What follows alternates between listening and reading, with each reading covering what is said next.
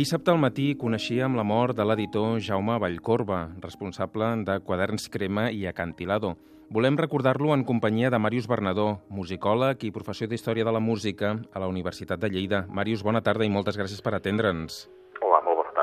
Amb Jaume Vallcorba vam tenir ocasió de parlar-hi ara fa uns mesos amb motiu dels 15 anys de Cantilado i ja aleshores ens comentava la relació que tenia amb tu i amb el Benet Casablanques a l'hora de fer la tria de títols de música de, de Cantilado, d'aquesta editorial, que, vaja, l'han convertit en un referent pel que fa als melòmens. Quan vas conèixer el Jaume?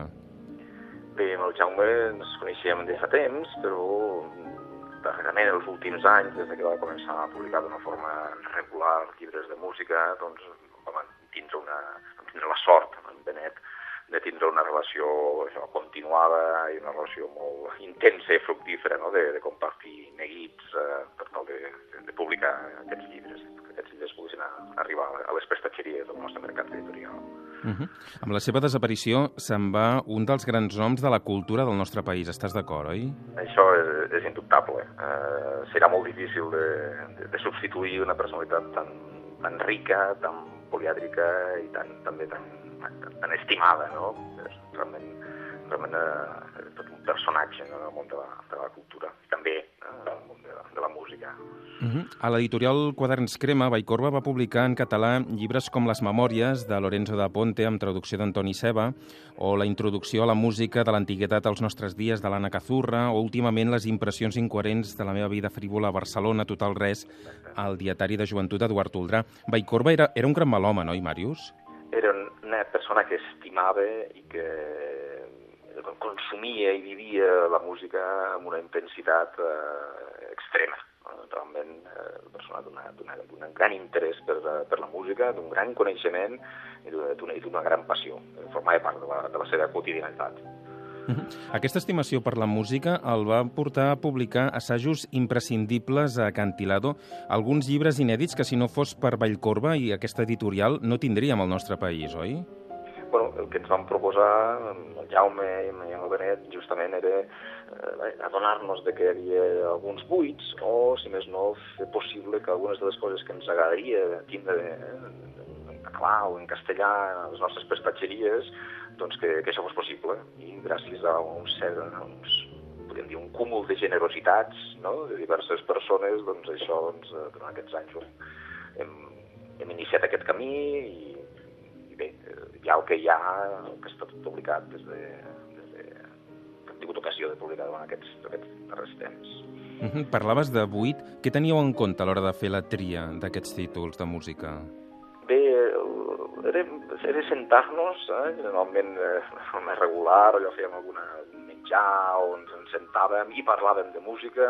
Eh, Benet i jo doncs, també havíem allò, pues, estat, estat comentant eh, possibilitats, discutir-ho amb ell, eh, naturalment doncs, tots teníem les nostres filies, les nostres fòbies, i a força de, de parlar-ho, de veure, de, de, de compartir a vegades edicions que teníem elles en altres idiomes d'alguns d'aquests llibres, eh, debatre-ho i veure quin era també el, el que era apropiat en cada moment, el que faltava, i anàvem fent llistes. Eh? I algunes d'aquestes llistes, doncs, llavors entraven en, en producció, de l'adquisició de, dels drets, eh, tot el procés de, de traducció i de public del llibre, en el qual interveníem també de forma molt directa eh, tots tres, intentàvem animar-los, cuidar-los, fins que això realment eh, donava un gravat de títols i molts altres que, que estan en la llista que esperem doncs, que el seu projecte i aquest ideal seu doncs, tingui continuïtat, doncs eh, s'han produït la, aquesta petita col·lecció, que no és una col·lecció, no? sinó que era un, una, un segment eh, de, de l'ampli catàleg de la gran enciclopèdia cultural que és eh, l'editorial Cantilago.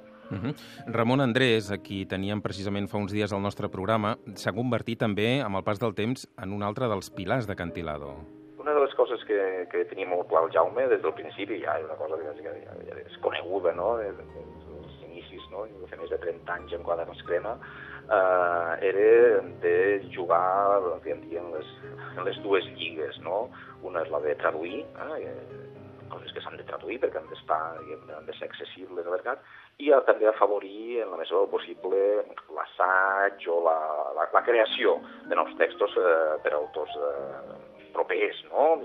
Genera també una possibilitat, diguem que si algú té alguna cosa interessant que dir, eh, que escriure, referent també a música i tants altres temes, doncs que Acantilado, i quan es crema Acantilado, no? o sigui, el món editorial de, de Jaume Vallcorba, doncs això tingués, eh, tingués viabilitat, fos possible. I, I aquest és el cas. Sempre que ens arribava algun manuscrit no? d'algun autor que volia eh, considerava que Cantilado era un espai apropiat per una obra, sigui assaig, eh, bàsicament, que és el que fem nosaltres en música, doncs bé, hi havia molt interès en que vam ser jo podia convertir-se en llibre realment, no? si tenia la qualitat suficient i si encaixava amb l'ideari de, de, de Cantilado.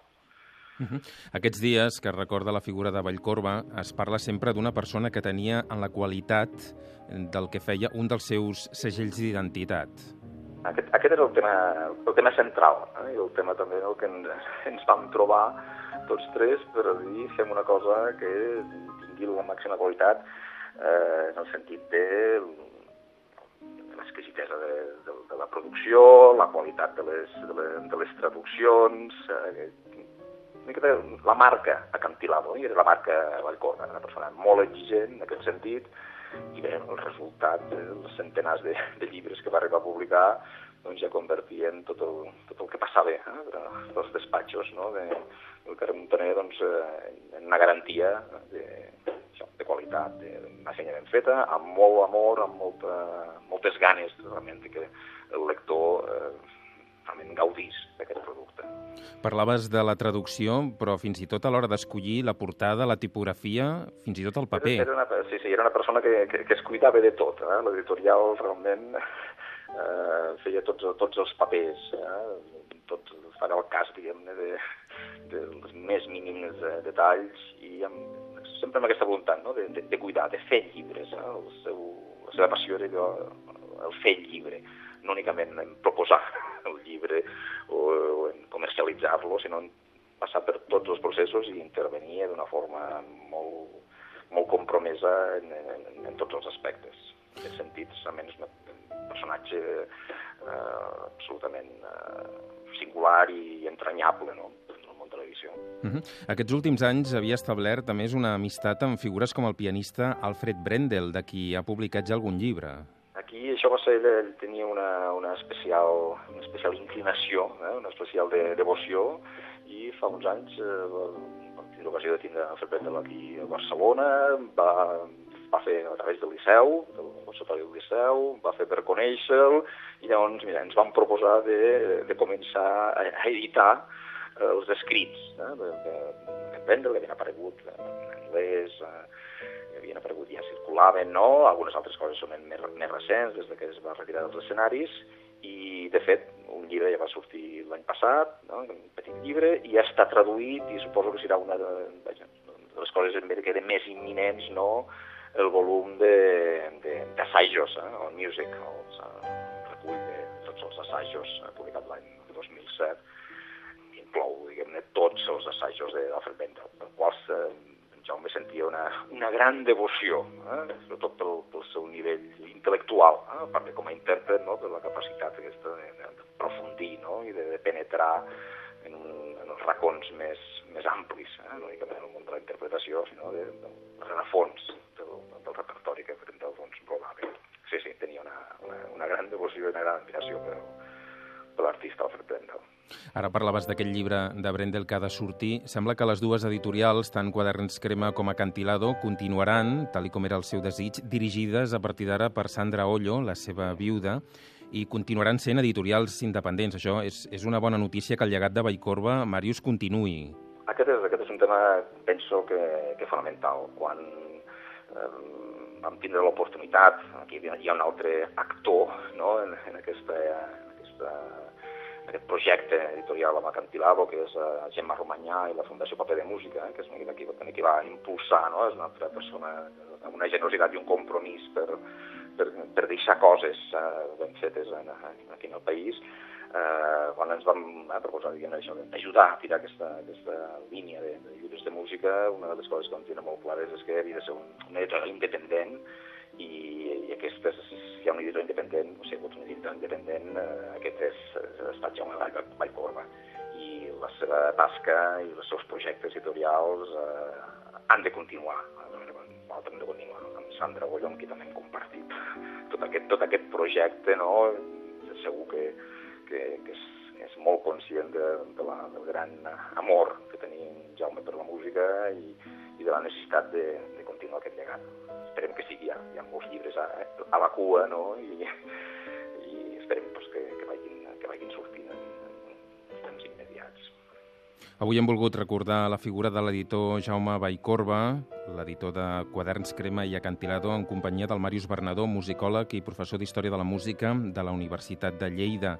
Màrius, moltíssimes gràcies i fins a una altra ocasió. Moltíssimes gràcies per vosaltres i esperem que la propera ocasió no sigui tan, tan trista. Tant de bo, tant de bo. Gràcies.